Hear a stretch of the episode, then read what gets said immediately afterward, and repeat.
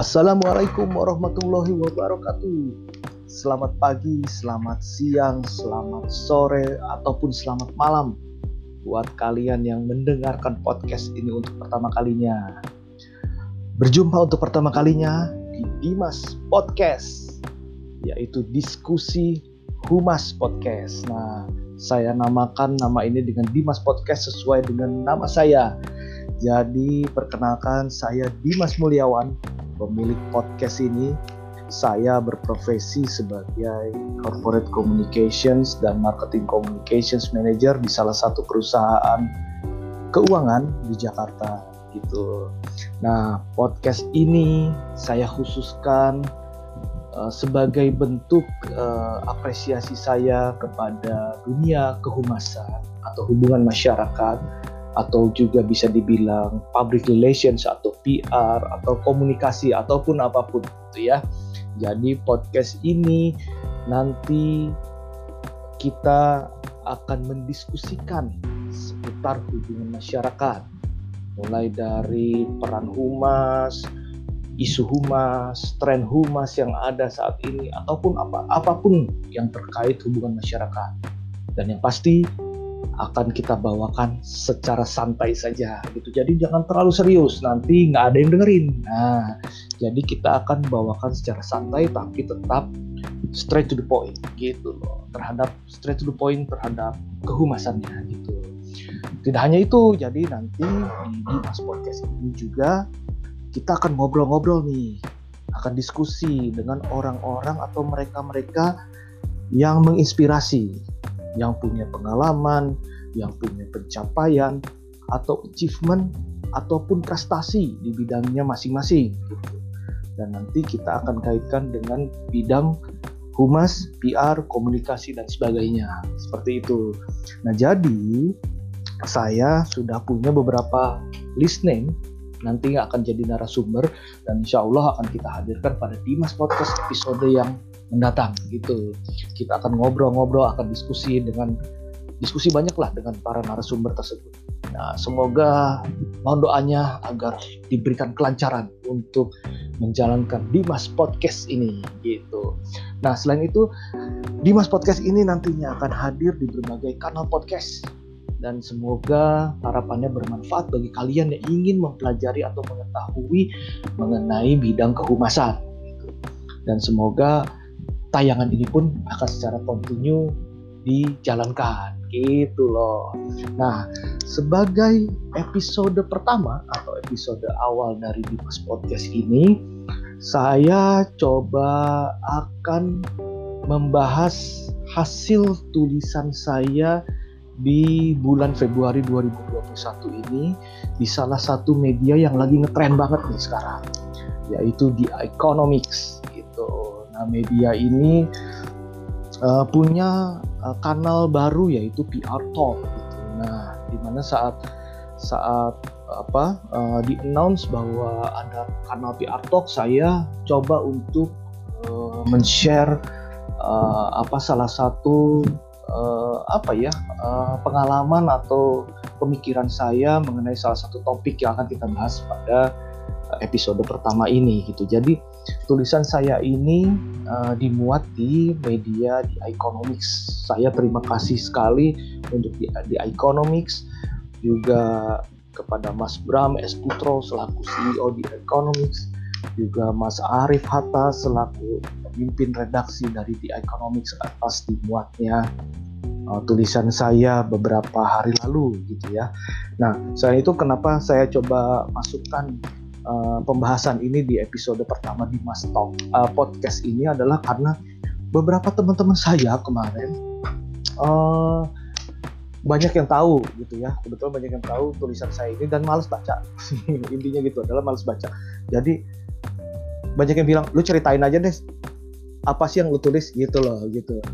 Lu ceritain deh poinnya apa sih? Gitu loh. Pengen tahu tapi males baca. Gitu ya.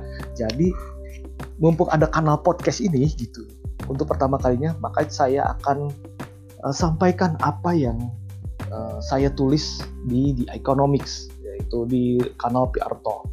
Oke, yang saya tulis adalah topik mengenai menjalankan public relations di perusahaan kecil. Apakah bisa? Nah, ini pemikiran saya yang muncul ketika saya mencoba untuk uh, menulis di PR Talk. Nggak tahu kenapa tiba-tiba muncul topik ini. Karena mungkin juga adalah uh, ini merupakan uh, apa ya unek-unek saya atau atau apa namanya uh, keinginan tahu keingin tahuan saya mengenai bagaimana sih menjalankan PR di perusahaan yang mungkin belum berkembang, mungkin belum besar, mungkin belum perusahaan terbuka dan lain sebagainya gitu. Dan saya rasa banyak teman-teman di luar sana pun yang merasakan hal yang sama gitu. Suatu hari uh, ada sebu ada seseorang yang pernah menanyakan bagaimana sih menjalankan PR di perusahaan kecil di salah satu uh, apa ya seminar di salah satu seminar beberapa tahun lalu lah gitu.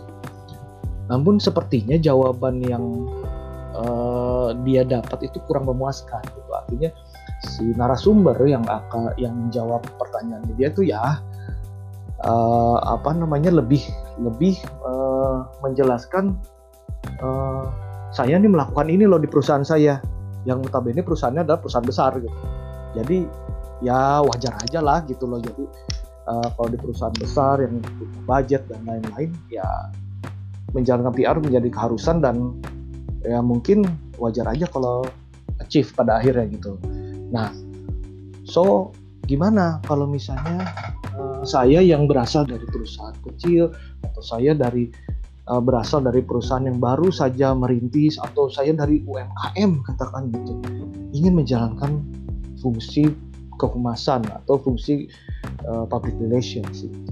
apa bisa gitu loh gitu nah ini uh, hal yang saya tuangkan di tulisan saya yang dimuat di di economics gitu loh gitu. Nah kalau coba uh, memang saya akui gitu ketika kita mencari atau googling mengenai apa namanya uh, mungkinkah sih uh, perusahaan kecil menjalankan PR jujur saja literasinya masih cukup sedikit gitu loh masih belum banyak gitu belum banyak. Dan juga uh, apa namanya uh, jarang sekali seminar-seminar uh, talk show ataupun yang sekarang lagi tren itu webinar itu membahas mengenai ini gitu. Mengenai hal ini. Gimana sih langkah-langkahnya perusahaan kecil bisa menjalankan PR seperti itu?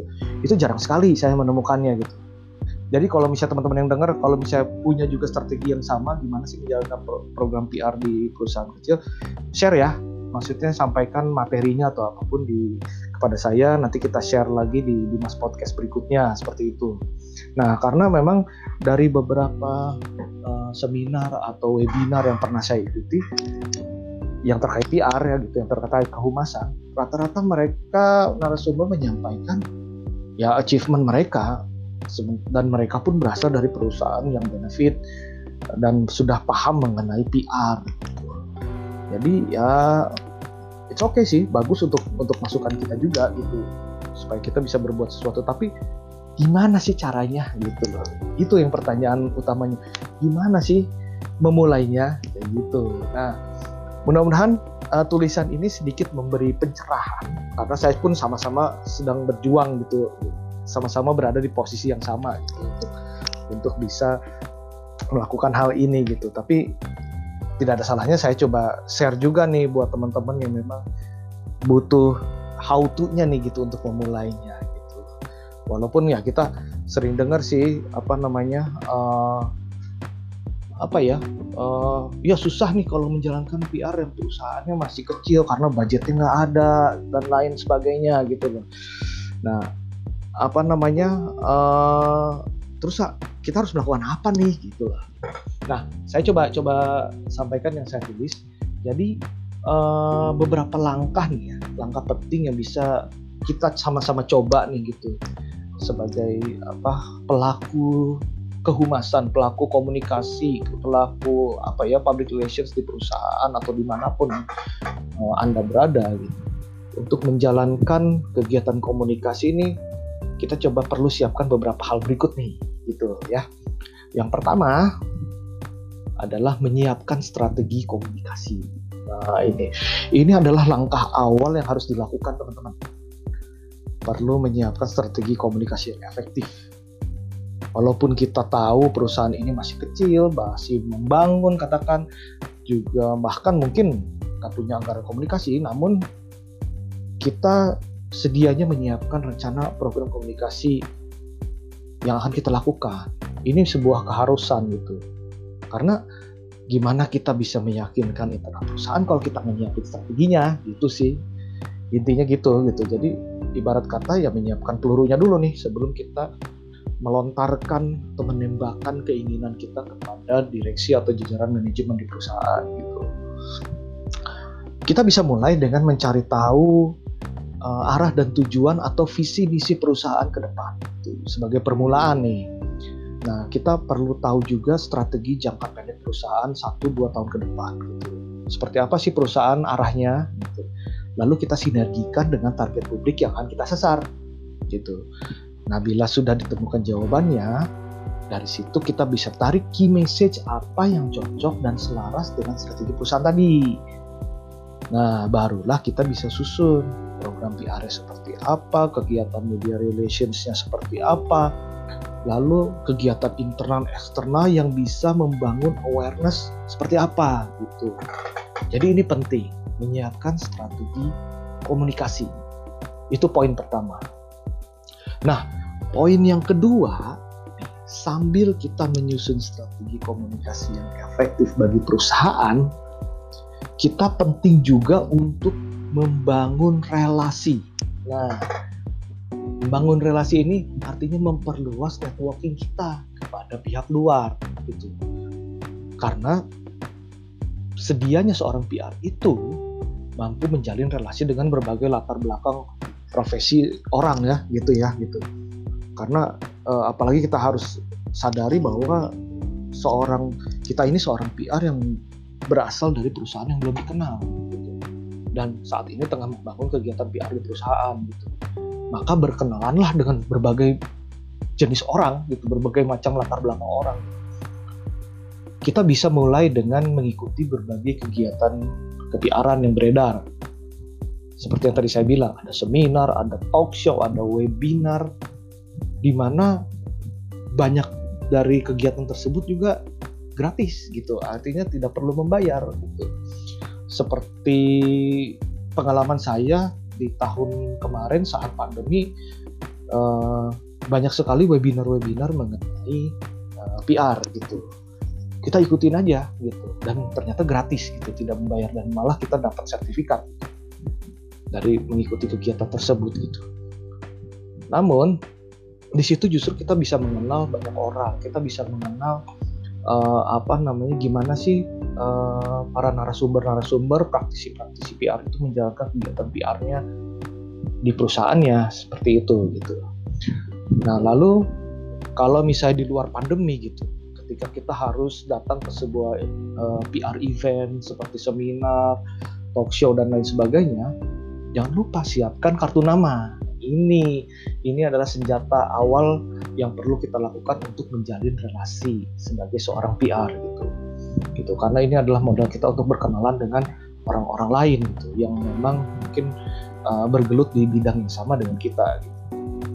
nah mungkin orang-orang yang perlu kita targetkan menjadi relasi kita nih misalnya nih ya ada teman-teman media lalu agensi komunikasi lalu juga klien perusahaan kita gitu atau PR person perusahaan lain gitu itu adalah target-target awal kita yang harus dilakukan untuk menjalin relasi atau membangun relasi di public relations atau di kehumasan seperti itu. Selanjutnya juga bisa berkembang ke pihak-pihak lain seperti akademisi, seperti pengamat, pemerhati yang tentunya uh, ada hubungan dengan perusahaan kita gitu Dan juga tidak ketinggalan adalah stakeholder atau regulator yaitu pihak pemerintahan. Nah ini ini nanti ke depannya mungkin akan akan bisa kita uh, jalin relasi dengan mereka untuk apa rencana perusahaan kita ke depan seperti itu. Oke, itu yang kedua membangun relasi.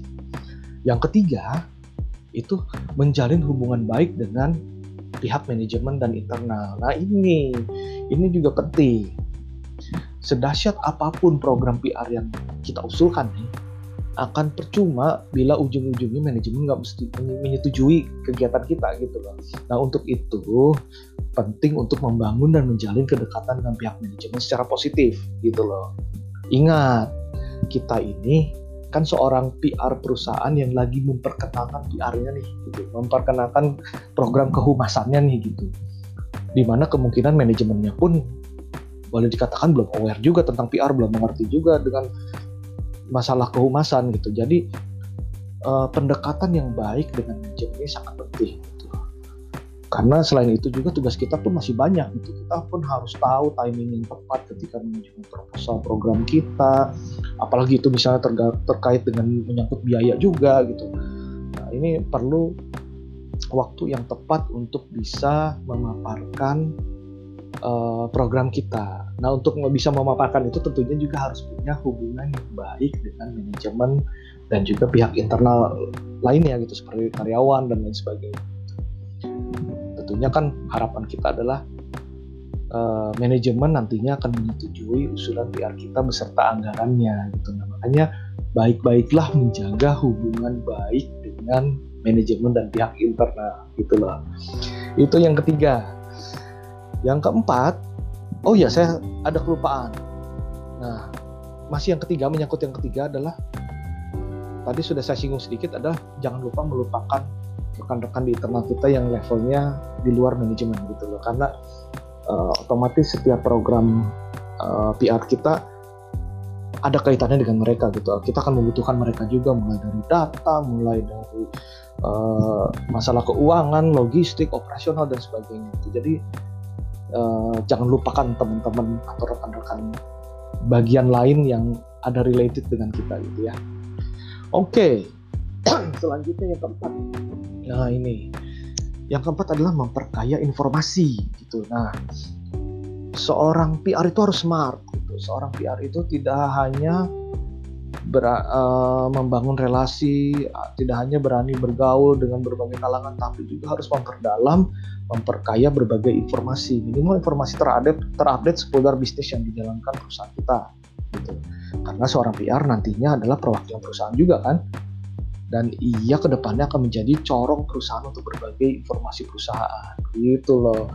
Jadi ini adalah kewajiban atau wajib yang harus kewajiban yang harus dilakukan oleh seorang PR untuk mengetahui banyak hal seputar perusahaannya dan juga bisnis perusahaannya gitu jadi teruslah menggali informasi yang terkait dengan bisnis perusahaan kita gitu karena uh, ini akan memperkaya uh, literasi kita terkait dengan industri terkait dengan bisnis perusahaan ke depannya gitu Oke, tadi sudah yang keempat, yang kelima. Nah, yang kelima ini yang lagi tren juga sekarang gitu. Memanfaatkan kanal digital. Nah, ini sebagai kita ini kan saat ini posisinya sebagai perusahaan yang baru ya, perusahaan yang baru berkembang atau perusahaan yang sedang sedang uh, eksis gitu akan akan menuju eksis ke industrinya gitu dan PR ini jadi jadi apa ya jadi bidang baru di perusahaan gitu. Nah tentunya kita sebagai PR perlu memperkenalkan perusahaan kita gitu. Nah kalau misalnya katakan wah untuk memperkenalkan perusahaan kita harus apa ngobrol dengan teman-teman wartawan harus kita pasang iklan dan lainnya dan itu costly sekali. Nah kita hilangkan masalah itu gitu. Karena kita saat ini beruntung hidup di era sekarang. Banyak platform informasi berbasis digital yang gratis dan bisa kita manfaatkan untuk memperkenalkan perusahaan ataupun produk kita. Banyak mulai dari sosial media seperti Facebook, Instagram, Twitter, YouTube, LinkedIn dan sebagainya. Termasuk podcast gitu ya. Dan kita sekaligus juga bisa menjaring target publik kita di kanal-kanal tersebut itu. Sebagai contoh misalnya di Facebook gitu kita mulai bikinlah gitu Facebook page dari perusahaan kita gitu ya perkenalkanlah siapa perusahaan kita gitu lalu kita bisa apa jaring target-target publik kita gitu target yang sesuai customer kita gitu yang sesuai dengan perusahaan kita nah ini bisa dikatakan juga membangun networking kan melalui jalur digital gitu jadi manfaatkan kanal digital semaksimal mungkin. Gitu. Dan yang terakhir nih, nah ini yang terakhir. Yang keenam, tetap semangat dan percaya diri gitu. Karena misalnya nih, kita sudah melakukan semuanya, sudah total. Namun apresiasi dari manajemen masih diam-diam baik nih, masih dingin aja nih. Nah, jangan berkecil hati, tetap semangat untuk membangun kegiatan PR di perusahaan. Terus berjalan, jangan takut gitu. Seperti yang saya sebutkan tadi ya di awal ya membangun atau menjalankan PR di perusahaan kecil ataupun baru berkembang itu bisa dilakukan, pasti bisa. Namun memang perlu perjuangan yang yang ya totaliter lah gitu. Tanamkan percaya diri dan selalu berpikir positif bahwa percayalah suatu saat manajemen akan melihat sendiri pentingnya peran PR di sebuah perusahaan gitu. Teruslah berusaha meyakinkan manajemen dengan informasi-informasi yang relevan mengenai pentingnya PR. Jadi kita harus terus apa ya boleh dikatakan mendoktrin manajemen dengan bahwa PR ini jadi bagian yang penting loh buat perusahaan gitu. Karena lihat aja perusahaan-perusahaan besar yang sekarang eksis di sana gitu. Keberhasilan mereka pun saya rasa tidak terlepas dari dukungan PR di perusahaannya gitu. Karena PR juga mendukung bisnis perusahaan. Gitu. Jadi yakinlah akan hal itu karena terkadang suatu tim butuh tambahan waktu untuk memenangkan pertandingan seperti di sepak bola ya kadang-kadang butuh eh, apa namanya perpanjangan waktu untuk memenangkan suatu pertandingan gitu. Jadi jangan lupa terus semangat. Walaupun ditolak terus tapi maju terus gitu. Jangan mundur gitu. Karena kita ingin menjalankan hal yang positif. Itu turut membangun perusahaan. Itu. Nah, jadi kira-kira itu yang saya tulis di bulan Februari 2001 di media di Economics di rubrik PR Talk. Itu. Jadi terkait dengan bagaimana sih membangun atau menjalankan fungsi kehumasan atau public relations di perusahaan kecil gitu. Ya, jadi mudah-mudahan uh, yang disampaikan oleh saya ataupun bisa juga dilihat tulisan saya di The Economics yaitu di Real Talk bisa memberikan apa ya pencerahan lah buat teman-teman karena kita sama-sama berjuang nih kita sama-sama berjuang untuk bisa menjalankan kegiatan komunikasi yang terintegrasi yang bisa bermanfaat bagi perusahaan itu kan poinnya nah jadi uh, mungkin untuk episode pertama Dimas podcast untuk kali ini saya akhiri Eh, kita akan segera jumpa di episode berikutnya. Saya akan menghadirkan beberapa narasumber, beberapa kawan yang bisa sharing mengenai kehumasan. Gitu. Mereka bisa berbagai berasal dari berbagai bidang, tapi kita akan coba kaitkan dengan uh, kehumasan dan kita akan bicara dengan santai saja. Oke, okay? oke, okay, terima kasih. Saya undur diri. Wassalamualaikum warahmatullahi wabarakatuh.